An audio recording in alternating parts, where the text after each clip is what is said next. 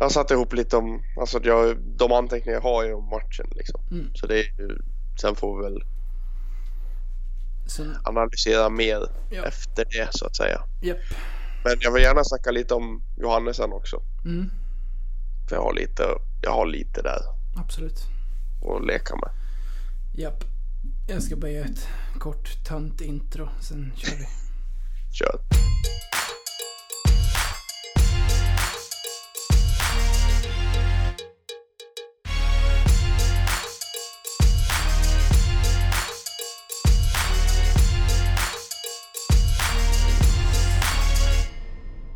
Hej och välkomna allesammans till ett nytt avsnitt av Blåvita krigares podcast. Det är nästan en månad sedan vi hörde senast och jag har längtat till att få göra ett nytt avsnitt. Däremot känns det ganska jobbigt att få sitta ner och analysera en säsongsinledning som inte alls har varit vad vi hoppades på. Eh, det här gör jag tillsammans med Patrik som var med mig och eh, gjorde en försäsongssummering innan säsongen skulle dra igång. Patrik, hur är läget om vi tar utanför hockeyn först? Utanför hockeyn så är det ju alltid bra. Sen är det ju, hockeyn gör ju att man sitter i misär och allt vad det heter men eh, det är all, alltid bra. Jag hör en, eh, en suck bakom dina ord kring hockeyn. Ja men det är väl inte så konstigt så här. Vad är det, en och en halv timme efter 2-6 mot Tingsryd. Det var ju en tanke att jag faktiskt skulle åka ner dit med min svärfar. Och jag är väldigt glad att jag inte gjorde det. Jag har ju bara vad är det, en och en halv timme dit. Så jag är glad att jag stannar hemma idag faktiskt. Innan matchen mot Almtuna som vi kommer in på senare så var det du som skrev till mig att eh, vi förlorar idag. Idag var det jag som nämnde till dig att fan jag tror vi torskar idag igen. Och det eh, har vi ju haft rätt på. Vi kommer ju komma in på resten av säsongen senare men vi måste landa i TIFE-matchen som eh, där jag ändå var lyckligt lottad att välja en AV med kollegor framför att se matchen. Jag, jag kunde inte hålla mig från att faktiskt dra upp telefonen och titta lite grann under, eh, under kvällens gång. Men jag har bara sett strödelar och highlights. Så du som har sett hela matchen, vad, vad är din spontana tanke efter 6-2 i, eh, i Tingsryd? Ja, alltså jag, jag kan väl summera det ganska enkelt med en konversation som jag hade med min svärfar här i tv-soffan. Eh, vi hade ju, ja men vi tittade på lite hockey, vi tog några öl och sen eh, så frågade om, han skulle, om vi skulle ta en, ja om vi skulle ta en till öl. Och svaret jag fick är att vi skulle behöva tio till sa han. Ungefär så skulle Nej men det, då, då fattar man liksom det, det var bedrövligt att se. Det var, usch, usch. Det var inte roligt alltså. Nej, under flera omgångar nu så har jag ju ändå försökt att vara positiv när jag skriver mina inlägg när själva laguppställningen kommer för matchen i fråga. Att såhär, nej men vad fan, vi, vi visar kvaliteten som finns i det här laget nu och så vänder vi på den här skutan. Men det blir fan bara värre alltså. Ja men det är ju det, alltså kvaliteten finns ju. Alltså, vi, vi, vi det, det, ett- det är ett fruktansvärt namnkunnigt lag. Alltså på pappret är det här ett bättre lag som vi hade i SHL förra året. Men det bara låser sig. Jag vet inte vad det är. Jag vet inte vad som händer. mot, Fattar du? Nej, matchen mot Almtuna då, då hamnade vi i underläge och sen låste sig allting. Du som såg matchen mot Tingsryd nu, även om vi fick en kvittering ganska fort på det. Blev vi skakat av ett nytt underläge? Det, nej, det skulle jag väl inte säga. Inte, inte 1-0 målet, men 2-3-1. Kände att vi fick ju visserligen 3-2 men, men alltså det kändes som att 3 3-1 där, då kom den där blöta filten igen som Åkerblom pratade om. Mm. Som uppenbarligen finns. Det blev liksom bara Gaislös, men jag tyckte det var Gaislös hela matchen. Alltså det, det känns så fel. Det, ta, ta en kille som Rittola, han hamnar nästan alltid fel. Och jag, jag vet inte om det är nonchalans, om han liksom känner att han är, han är över den här nivån eller någonstans undermedvetet eller om han bara är ett steg före alla andra och ingen annan är med på hans passningar eh, och dropp som han, som han lirar med liksom. Jag vet inte riktigt var, var man ska hamna alltså. Nej, för att i en match som mot Almtuna senast så blir det ju frustrerande när man ser till de spelare som faktiskt ska gå in och avgöra matcher. Då är det väldigt lätt att fråga sig vart en spelare med Mattias liksom, nivå befann sig när det, när det behövdes. Ja men precis, alltså han var, det var ju liksom som, som första matchen vet jag att vi pratade om efter efter, jag tror det var första premiären eller något sånt där. Då sa vi det att ja men Ritola syntes inte idag men han gjorde ändå 1 plus 2 eller vad det var. Mm. Men där, där, där är ju Ritolas styrka. Men nu syns han ju på ett vis att det är bara felpassningar. Nu ska vi inte hänga ut bara Ritola, hela laget är ju fullständigt under isen. Men han hamnar ju någonstans i skottgluggen på grund av hans kunnande och hans skicklighet som han besitter. Så blir, blir det att han hamnar i skottgluggen för att man nästan förväntar sig att han ska göra det här lilla extra. Han ska dra den här extra gubben för, för att få de här kastarna. Men, men det känns som det, det, det finns inget självförtroende alls hos honom eller hos någon annan i det här laget just nu. Nej, det är åtta matcher spelade. Det är 16 mål gjorda. Det är nio ja, det... poäng in på kontot. Det är ett plus tre på Rittola totalt över de här åtta matcherna. Ja, ja men det är ju det är liksom... Det är ju två, två mål på match. Ja. Det är ju fruktansvärt lite. Ja, men när vi satt här och summerade för säsongen då var vi så nöjda med att vi hade vi hade besegrat Färjestad med klara siffror. Vi, vi spelade bra mot Frölunda och Alltså absolut, jag vet vad en, vad en försäsong innebär och, och, och allt det. Att det verkligen inte kan spegla i vad en säsong sen ska betyda. Men någonstans såg man ändå det man ville se, att det här laget kunde spela hockey. Och det vi tror att laget faktiskt kan. Men det är ju som bortspolat nu. Ja, jag vet inte. Alltså det, nu, nu, nu snackar vi mycket om spelarna, men jag tror mycket hamnar på Åkerblom också. Alltså, mm. om man tittar på hans på hans CV liksom därför. För vi var, vi var ju lite oroliga där efter, efter försäsongen vad, vad vi hade Åkerblom. Och det, och det känns ju som att vi fortfarande inte vet vad vi har Åkerblom. Nej. För det känns ju inte som att han, han har implementerat någon spelidé alls i laget och det känns liksom som att man Istället för att laget ska spela ut så känns det som att det, man håller klubban stenhårt istället och är rädd för att göra misstag. Mm att man är kanske rädd för att liksom bli, bli utskälld i omklädningsrummen. Och där. Nu kan ju inte jag hans eh, tränarfilosofi och hur han, hur han eh, beter sig i omklädningsrummet men alltså det känns ju som att han inte kan ingjuta ett mod i, i spelarna som, som behövs. Det var alltså 3-2 till Tingsryd efter två perioder. Vad, vad säger du om den tredje? Ja, vad säger jag om den tredje? Nej men alltså det vi släpper två mål i samma PP. Uh. Alltså vad är det? Det är, det är inte okej okay på division 3 nivå. Nej, det ser man inte ofta alltså. Nej. Alltså två, släppa in två mål och det, det, båda kommer till på samma sätt. 4-2 då vinner vi till Ek och Alsing kliver upp för att pincha men han borde ha backat direkt liksom. 5-2 vinner Tek igen tappar på pucken. 6-2 kommer kontring också. Det, det är ju tre nästintill likadana mål och Tex blir ju nästintill utlämnad alla tre gånger. Vad, vad, vad alltså... det är som att... Eh, som att utnämna dig till någon slags hockeyprofessor som har svar på det här. Men alltså vad, vad, vad är det huvudsakliga problemet? Varför blir det så här? Och varför... Alltså man har en man mer på isen. Man ska försöka åstadkomma en kvittering och... ja. Ja men det är, det är, det är Leksandssyndromet igen. Det är sex man på banan. ja. Ja men det, det, är ju, det händer ju hela tiden. Det spelar ingen roll vem vi har i båset så blir det ju alltid, alltid sex man på banan. Men alltså det, det, alltså, det handlar om självförtroende. Alltså fan det, det måste in självförtroende i den här truppen alltså. För nu, nu sitter man liksom att ja, men man väntar på att polaren ska göra jobbet. I princip. När du får, när du får hög press. När, jag vet Tingsryd satte hög press flera gånger.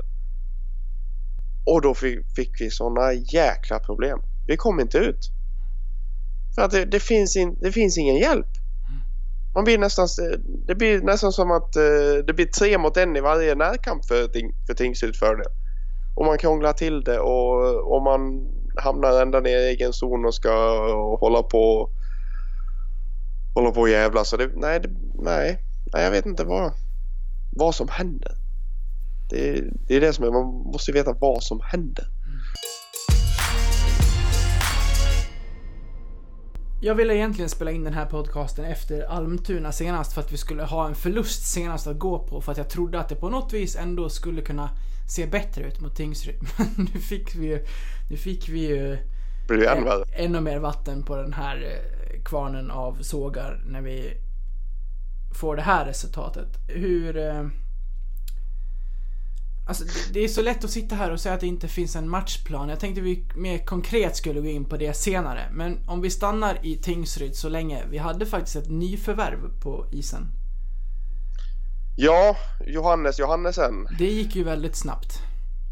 Ja, det får man ju lugnt säga. 12.30 så fick vi, fick vi alla reda på det via Liv-TV och sen så var, visade det sig att han var spelklar, spelklar direkt då. Han var ju namn, namngiven spelare så han är ju fortfarande junior så han kan ju gå mellan Frölunda och Leksand lite hur han vill. Mm. Eh, till skillnad mot om det hade varit en lite äldre spelare så hade det behövt vara en tidsbestämt lån som i Tex-fallet då att vi har, vi har han hela säsongen där. Han går in och eh, spelar sin premiär. Han gör det tillsammans med Fredrik Lindgren. Vad, vad, vad säger du om hans insats? Eh, rätt att sätta med Lindgren. Eh, få lite pappa där, killen är ändå 20 bast. Eh, det är helt rätt att få sä- sätta honom där. Men han, han kom in fel i matchen direkt. Han började med, det, det första han gör det är att skjuta ett skott i täck. När han åker tillbaka för, för ehm, sen hamnar han i en, en två mot etta. Direkt efter det hamnar på arslet, ramlar och eh, det blir nästan baklängesmål. Han hamnar fel direkt. Sen kändes det inte som att han riktigt repade sig efter det. Han fick spela PP. Det förstod jag inte alls. Varför slänger man in honom i en PP-uppställning? Utan erfarenhet, utan träning i PP med laget. Han, vet, han har bara liksom fått teoretiskt hur laget spelar i PP. Han har aldrig varit med och tränat PP med, med de här Rittola, Forsberg och allt vad de heter. Och så ska han in där och styra. Men, men det, kändes, det kändes så jäkla konstigt att bara liksom, ja men. Du kommer från Frölunda nu. Du, du har säkert spelat SHL. Du, du är jättebra. Du ska in i PP. Jaha. Nej men liksom det, det, blir, det blir bara så konstigt när han liksom inte, han har inte ens gjort en träning med laget så bara kliver rätt in i en PP-uppställning. Det är inte Alexander Ovechkin vi pratar om liksom. Men Det är en just, 20-årig norsk från, som knappt har fått spela i SHL. just där vid blå i powerplay, de chanser han fick, hur såg det ut? Ja men det var ju mestadels skott i täck. Mm. Det, vi, jag tyckte vi inte vi... Som du har sett ut innan så har vi inte... Vi har inte producerat, vi har inte skapat några riktiga chanser i PP. Inte alls tycker jag. Det, det har varit under all kritik faktiskt. Nu, nu har jag lite dålig koll på just statistiken i PP. Eh, Men eh, den är väl inte jätterolig. Nej, vi ligger inte. 11. Ja, och det är, det är väl tre eller fyra lag i, eh, i Hockeyallsvenskan som har gjort färre mål än vad vi har gjort. Det säger en del. Ja, totalt menar du? Exakt. Ja, det är, det är de som ligger under oss. Västervik har gjort li- lika många och Södertälje har gjort 12. Vi har gjort Mm. 16. Och då hyllade vi ändå det här laget inför och sa att det fanns så många målskyttar och vi pratade upp många spelare till att göra sina poängbästa säsonger i Ja, sina vi karriärer. fasiken- för fasiken en vadslagning som skulle vinna allsvenskans poängliga. ja. Det, det är ju inte ens i närheten. Nu Jag är vi åtta, bara... åtta, matcher, åtta matcher har visserligen gått. Mm. Men alltså det är, vi har inte en enda på topp 25. Nej. Det är liksom 25 har gjort 6 poäng. Så det är, det, det, det, är, det är långt upp där till, till vårat bättre. Tur att vi körde interna också.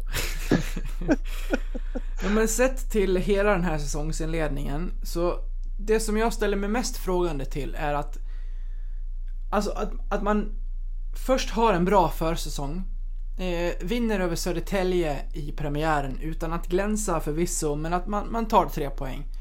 Eh, efter det så beter man sig på isen som att man går in till match två med åtta raka förluster.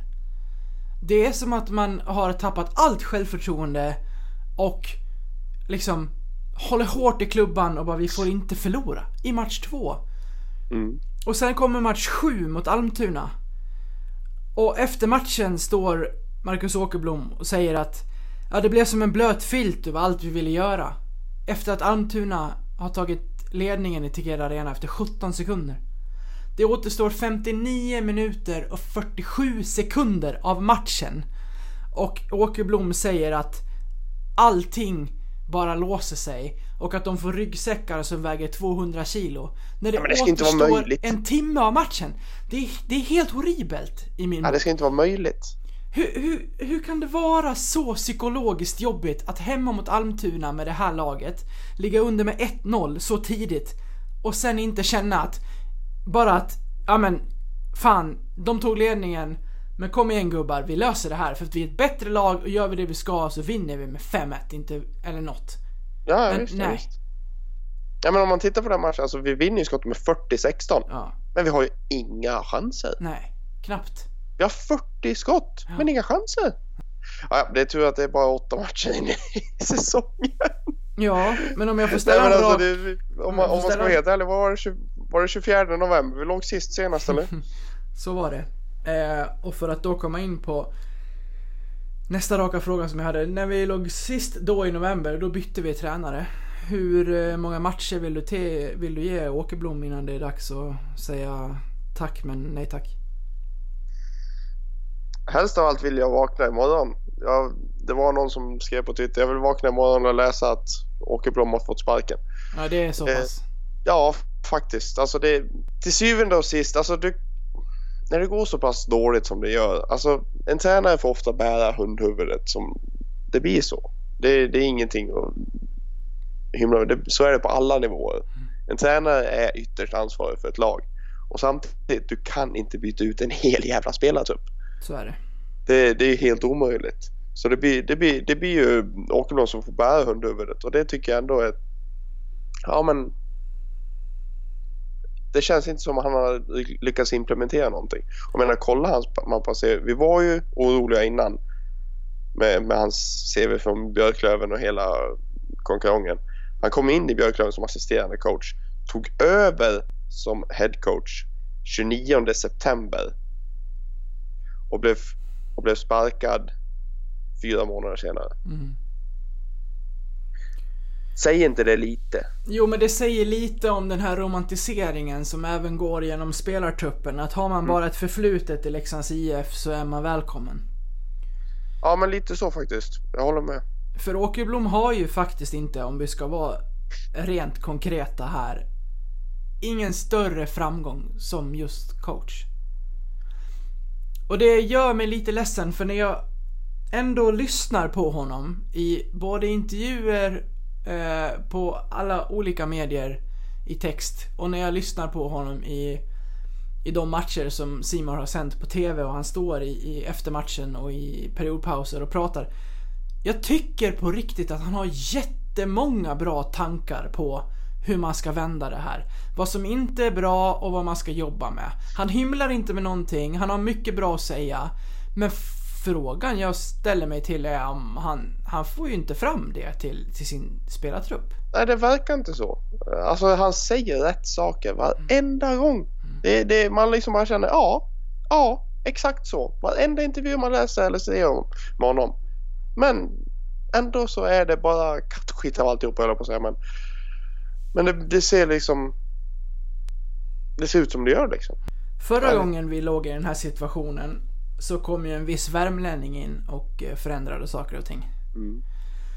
Då kom Perra Jonsson in. Eh, och man kan säga mycket gott om Perra, men något taktiskt geni är han ju inte. Nej. Men han kom in i den här truppen, eller i den här truppen, i den truppen vi då hade och sa att Fan grabbar, ni kan ju spela hockey. Och han kom med någon slags glädje med det. Som spelarna tog till sig och liksom släppte lite trycket på klubban och spelade ut efter det.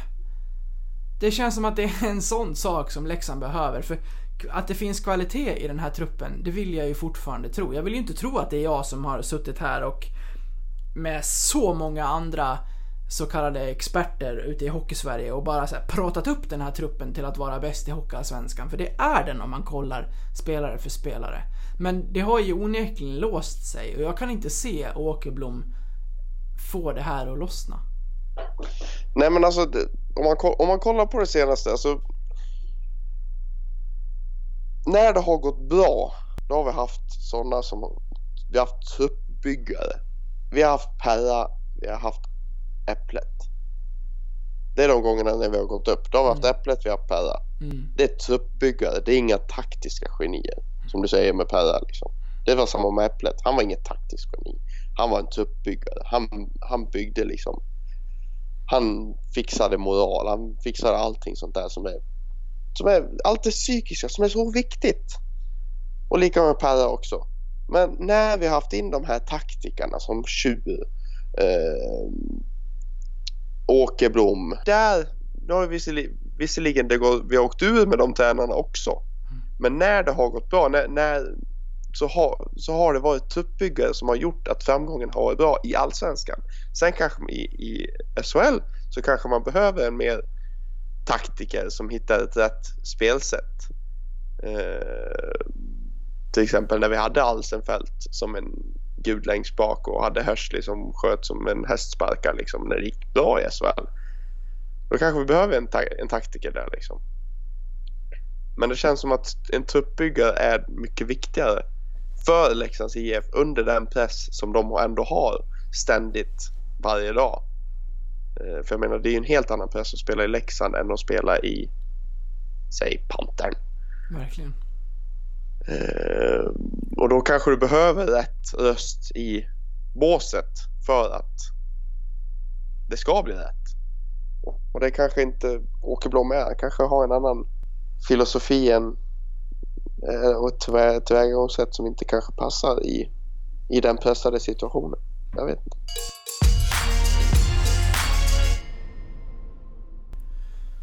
Ja men vad säger det liksom om om statusen och situationen i en spelartrupp. När man hemma mot Almtuna får 1-0 mot sig. Och tränaren efteråt säger att vi hamnade i underläge efter 17 sekunder och sen kunde vi inte spela hockey längre. Nej, men det säger ju lite om hans ledarskap och, och också. Ja. Måste jag ändå säga. För jag menar, gör man ett mål efter 17 sekunder borde man fan hitta ett sätt att kunna åtminstone få, få till någon sån här en kvittering. Liksom. Mm. Men det var ju, det var ju helt... Det fanns, fanns ju ingenting. Det fanns ju ingenting att hämta. Inte, inte en chans. Trots 40 skott.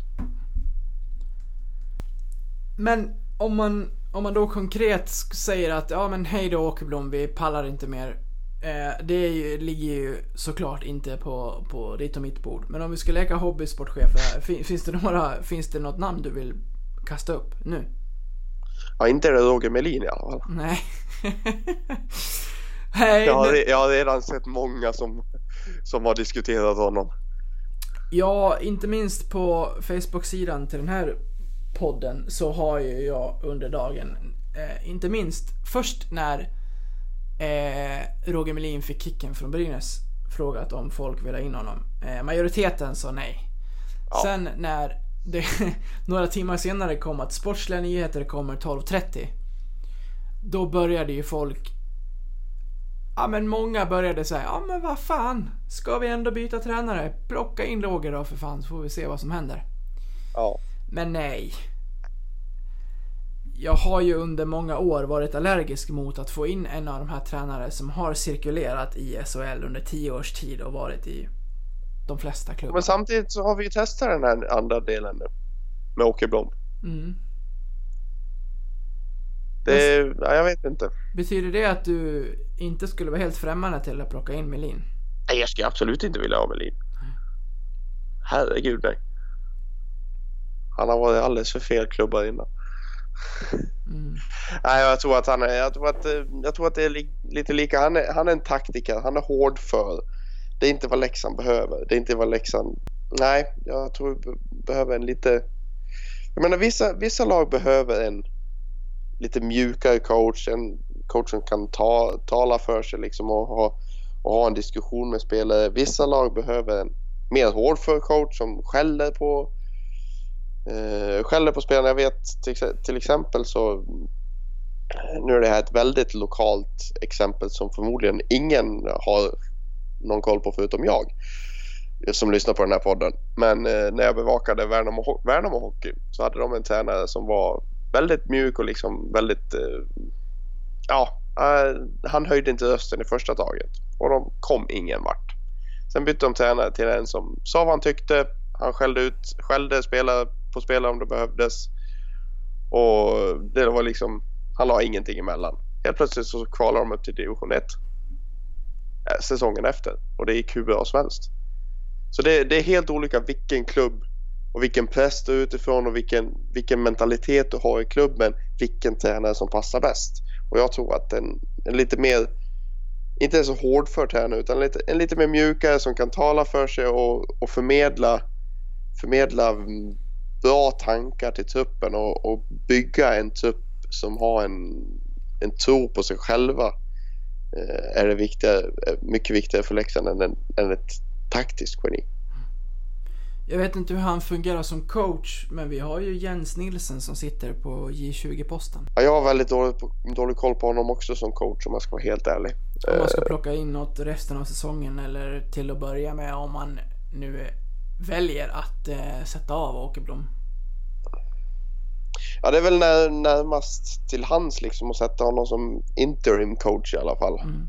Eh, men då är frågan vad, vad man ska sätta i J20 då liksom. Eh, jag menar, J20 går, går ganska bra. Absolut. Om inte, om inte helt ute och cyklar. Men det är det ju onekligen inte alla som ja, tycker ja, eftersom att vi istället plockar in spelare från Frölundas juniorlag. Ja, ja de, de leder ju för fasiken serien. Ja. Slog ju Djurgården med 4-1 idag förut. Och väl där så kommer vi in på också vad vi kanske behöver i A-truppen som fanns med under försäsongen när det gick bra. Erik Aterius. Mm. Lite jävla anamma. Det är kanske det som behövs. Plocka upp Aterius. Hittills kanske, så har det... Kanske, väldigt enkel och snabb. Plocka upp Erik Aterius löser det sig. allt. Nej då, men alltså men alltså lite jävla namma behövs. Jag menar det känns ju som att till och med en kille som Tobbe Fopp känns som man går på halvlåga liksom. Jag tänkte att vi skulle gå in lite på djupet av det som många skriver, att det inte finns någon spelidé. Om du tänker på de orden, vad, vad menar du om du säger det? När det inte finns, alltså jag känner när det inte finns någon spelidé då, då är det liksom, ja men allt hamnar som ett töcken bara. Uh, det är liksom, det är lottvollen svängar och det är felpassningar och passningarna sitter på backhandsidan istället för forehandsidan. Det är liksom att de inte, att ingenting sitter. Då, blir, då känns det som att laget inte har någon spelidé, känner jag i alla fall. Mm. Jag vet inte hur du känner. Ja, men jag, jag håller med för att det blir så här. Någon kommer efter sarg inför offensiv blå. Och så är det någon som, en back som håller i pucken. Då vet inte den här backen om han ska dumpa, slå på sarg så att den når forehand eller om han ska lägga den på backen i första ytan. Det är så mycket som är på slump. Mm. Ja, men det känns som att för ofta så ser man ju ett något sånt här mönster liksom. Ja men där har de det uppspelet, där har de det uppspelet, där har de det uppstället i offensiv zon. Ofta så ser man ett sånt mönster. Men något sånt mönster ser jag inte. Det är, det är olika initiativ hela tiden och det, det är olika man tar lite egna initiativ lite här och var och det känns ju som att varje spelare spelar för sig själv nästan. One man show. Ja, men li, li, lite så. Uh, jag menar skott, jag menar om man tittar på flertalet av de tagna skotten idag. Idag då till Tingsrydsmatchen så vi väldigt många kommer i täck och liksom man, man väntar och så bara ah, jag laddar ett slagskott så får vi se vad som händer. Mm. Och ändå så har du tre spelare framför dig. Du har liksom aldrig kunnat skjuta igenom tre spelare. Någonsin. Nej, vad jag vet är det ingen som har lyckats. Nej, det, det går liksom inte. Men ändå så står man där och laddar och laddar och laddar. Bara, ah, jag skjuter ändå. Och så blir det täck och så sticker de på kontring. Liksom. Och, och så en två mot etta och så blir det förmodligen, förmodligen mål. Så det, blir liksom, det finns ingen tanke bak, bakom det hela för det finns för det är ingen, det är ingen som liksom hjälper. De, det känns inte som de hjälper varandra. Som jag sa, som jag sa innan, man väntar på att polaren ska göra jobbet. Mm. Såg du någon frustration hos Williamson? Jag hade förstått det förstås. Jag såg ingen direkt från honom. Nu brukar ju inte kamerorna visa målvakterna så fasansfullt ofta. Speciellt inte Mer- när det mer- inte är tv-sänt. Nej men precis nu när det liksom är webbsänt så blir det ju liksom en kamera som, Mm. som går liksom. Men jag hade förstått ju frustrationen när de bytte ut honom efter 6-2. Det är sex minuter kvar. Mm. Alltså låt han stå klart matchen för fan. Mm. Nu, nu är det skit detsamma. Eller? Är det jag som är ute och cyklar? Nej. Han har stått där sex kassar och det är sex minuter kvar. Ja, vad ska Arntzen in där och göra? Nej. Det, det är bara liksom, ja men, står de sista sex då? Så kan Steck stå nästa igen. Ja men, äh, han är förmodligen redan knäckt för att han inte fått någon hjälp på 4, 5 och 6, två målen. Men samtidigt så knäcker de ju än, ännu mer om de tar ut honom med sex minuter kvar. Då känner man ju, jaha. Ja, ja. Jag fick ingen hjälp men det är ändå jag som ska få skiten liksom. Jag vet ju själv hur det är så och jag är, jag är målvakt själv på en väldigt visserligen låg nivå men jag vet ju själv hur det är liksom att bli, att bli utbytt. Och då vet man, man tittar ju alltid på, man tittar alltid på klockan. Hur länge har jag stått? Det gör jag i alla fall. Mm. När de tiderna, de gånger jag blir utbytt. Vilket förhoppningsvis inte händer så ofta. men nu var, nu var det inte mig vi skulle prata om. Men jag fick in en, jag fick in en kommentar häromdagen eh, efter Almtuna. Där någon skrev i ren affekt att fan, sluta liksom skriva upp det här laget. Det är fan inte bättre. Och då började jag fundera. Eh, och då lägger jag fram det här till dig så får vi se vad du säger. Att om jag skulle påstå att Rittola är på väg ut för tillsammans med de spelare som faktiskt ska leda det här laget har pikat och att resten eh, förutom de yngsta spelarna som fortfarande har potential är medelmåttiga hockeyallsvenska spelare och att vi faktiskt har skrivit upp det här laget till att vara bättre än vad det faktiskt är. Vad säger du då? Alltså rent namnmässigt om man ser till truppen så är det ju alltså. Det är ju ett. Jag tycker att det är ett jävligt bra lag. Alltså Rittola är, jag menar han spelade VM för två år sedan. Eller ett år sedan blir det ju till och med. Det, där, det, det ska inte ha gått så fort ut för. Så fort ska det inte ha gått. Men varför åker han och gömmer sig då? Jag vet inte. Det är det som är det, är det, som är det svåra. Jag vet inte. Tar han inte Hockeyallsvenskan på allvar? Det kan mycket väl vara så. För du Jag vet, hoppas- för, fem, för fem, sex, sju år sedan. det. För fem, sex, sju år sedan kunde du åka till... Eh, ja... Vad hette lagen då? Ja, de heter väl Troja som de fortfarande gör. Ja, men vart Ja, stod, men- vart stod han? Eh, nu ringer det Boman. Arboga. Då åkte man till Jag Arboga. sätter den ändå. Och Att så jag sätter den ändå. och så vann man. Och så vann man med 10-1. Och sen åkte man hem. Du gör ju inte det idag. Nej, nej, det finns ju inte. Och du kan, du kan inte åka runt och leka Gretzky och slå flippmackor och hoppas att det löser sig. Absolut inte. Men nu har vi målat upp det här laget till att vara bättre än vad det faktiskt är. Jag tycker inte det. Jag, Jag vill, jag vill ju inte heller tro det. Jag vill ju tro att vi är bättre än så här. Samtidigt som man, om man tittar på det. Om man tar till exempel en kille som David Åslin. Mm. Jag tror han har snackats upp lite för mycket. Om man ska vara helt ärlig. Jag gillar David Roslin. Jag tycker han står för speed och han gör snygga mål. Han blev utsedd till SHLs snyggaste mål två år i rad eller vad det var. Mm. Men om man ska vara helt ärlig, nu, han har gjort väldigt lite poäng. Ja, senast han gjorde bra, eller någorlunda poäng. Det var för 5-6 år sedan. Mm. När han lirade i Töja. Då gjorde han 38 respektive 25 poäng på två säsonger. Sen dess har han ju visserligen spelat i SHL. Men någonstans där borde ju en utveckling ha funnits. Liksom. Han har ändå spelat i Växjö, Leksand och Rögle. Liksom. En utveckling borde ju ha skett, kan man tycka. Men som, spe men som spelartyp, jag menar, det är ju ingen brunkare vi snackar om. Nej. Jag.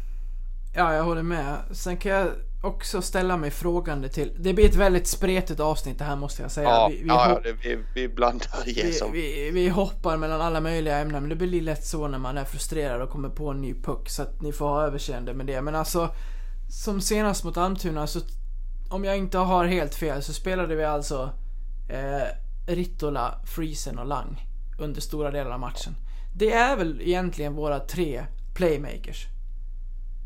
För ja, att, ja, må Lang vara ung, men han har en passningsklubba som är riktigt bra. Ja, och ja men han, han stod i förra året. Ja, exakt. Och alla de här tre kan absolut skjuta på passning från någon annan i linan. Men ska man inte sprida ut de här playmakers då med andra spelare? Att få jag. en av de här att spela med Forsberger som har ett bra skott, med Fredrik Forsberg som har ett bra skott, med andra spelare som kan skjuta och bara få igång fler linor. Jag, jag, jag har svårt att se vissa kedjekonstellationer.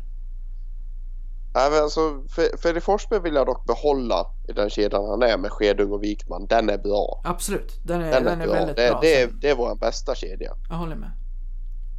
Men alltså, det, som vi pratade om i försäsongssummeringen. Forsberg, Friesen, Rittola. Mm. Det har ju fortfarande inte hänt. Nej. De sätter ju dem i PP, men mm. där händer ju ingenting. Men varför inte sätta dem i 5 mot 5 också?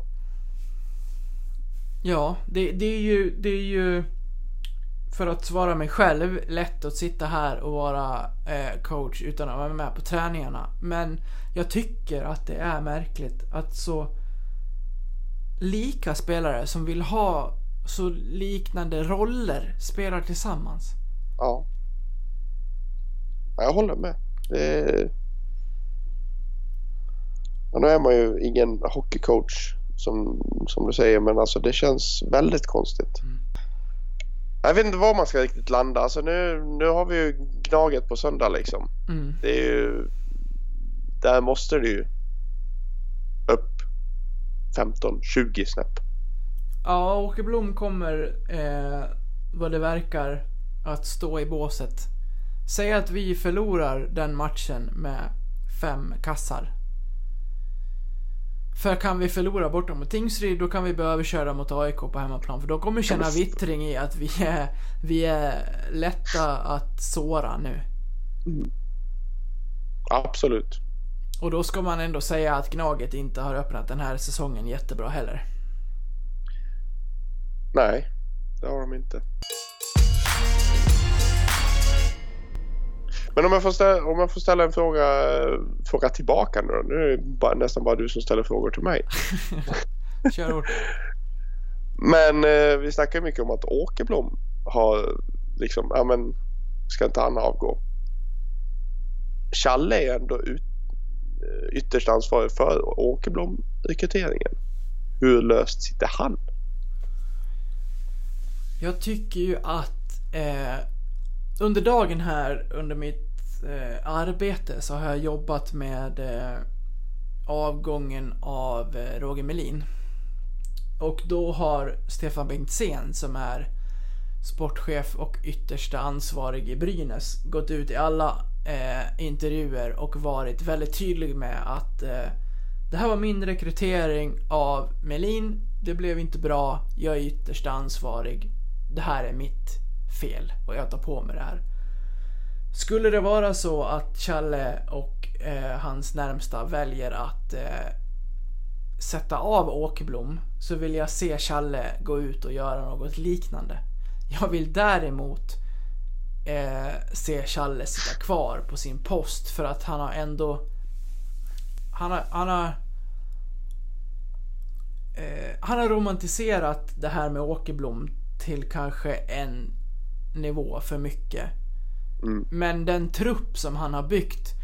När vi satt här och summerade försäsongen eh, så kan jag inte minnas att vi kritiserade truppen alls. Utan vi Nej. var båda väldigt, och är fortfarande, eh, väldigt peppade på vad den här truppen kan göra. Och eh, att det är den i särklass bästa truppen vi har haft som nykomling i Hockeyallsvenskan. Med, med, med, med det i handen så är det ju vore det fel att säga att Challe har gjort ett dåligt jobb för att man själv med facit i hand kan säga att det inte har blivit som man hoppades på. Så jag, jag tycker att Challe sitter säkert i sportchefsbåten men att han ska ta han ska inte hymla om det är så att han väljer att eh, ge Åkerblom foten. Nej, det var ungefär det jag hade i, hade i huvudet också faktiskt. Eh, för det känner, det, tuppen som, som han har byggt är ju... Den, alltså, oavsett hur det har gått så är tuppen bra. Men det gäller, det gäller ju bara att få in självförtroende. Så det, det, det där det, jag tror det är där den stora skon klämmer. Sen blev jag lite fundersam faktiskt. När det gäller, nu, nu kommer jag tillbaka. Som sagt, det är ett spretigt avsnitt här. Om vi kommer tillbaka till Johannesen med, med Challe då som, eh, som grund. Där, då sa ju Challe det när de presenterade honom att en av Johannes styrkor är i egen zon där vi behöver bli bättre för att vinna matcher. Mm. Där kände jag bara nej, nej och nej. För Nej. att det, det, vi, vi behöver inte bet- bli bättre i egen zon, vi behöver bättre i offensiv zon. Sen det första han säger, Johan, en av Johannes styrkor är i egen zon, ställs helt på sin ända när Johannesen efter matchen idag säger jag gillar att spela offensivt men bryr mig självklart om defensiven. Då säger han själv att han är en offensiv back medan Challe när han presenterade Johannesen säger att han är en defensiv back. Åh herregud. Hur är scoutingen då egentligen? Ja. Kan, jag kan jag tänka liksom. Har han representerat Frölunda i SHL? Eh, eh, ja. Tio matcher förra säsongen. Okej. Eh, 26 matcher med Oskarshamn. 1 plus 1. Mm. Eh, spelade, spelade faktiskt VM med Norge. Förra året. Ja men, nej men det du säger det är ju... Det känns ju inte som att scouten är på topp. Jag har sökt Kalle Eriksson under dagen. Jag har dock inte fått tag på honom. Det är väl den back som jag känner skulle ligga närmast till att plockas upp. Eh, Mm. Nu när Larsen redan är uppe. Jag vill höra hans tankar lite i hur hans dialog går med Challe. Vad han tänker personligen när Leksand väljer att plocka in en ja, men, juniorspelare från en annan klubb i Sverige istället för att faktiskt plocka från sin egna juniorled som man har pratat så gott om under så många år och att man är på att man är på frammarsch så att man är en av klubbarna som faktiskt leder de eh, stora utvecklingarna inom svensk hockey och att man inte tar därifrån då, det, det tycker jag är märkligt.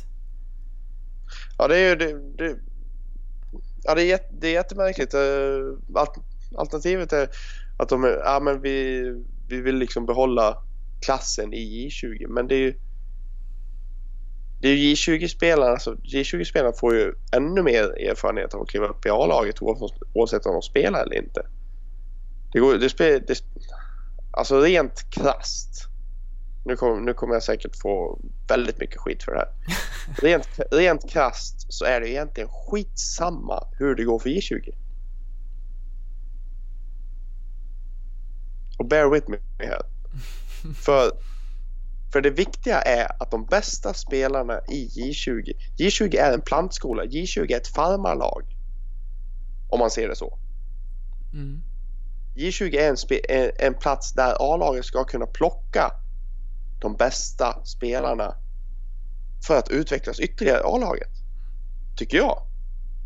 Alltså Ja. det är fortfarande ett juniorlag, men det är även ett farmarlag. Om vi då bara tar fakta ur det som faktiskt hänt så har Leksand kommit fram till att vi har inte backar som är bra nog att plockas upp utan vi plockar in en från Frölundas led. Nej men exakt, det är ju det, det är den andemeningen som, som spelas ut. Och det är Nu. det som menar, det- våra det ju- egna juniorer möts av när den här värvningen eh, eh, bekräftas.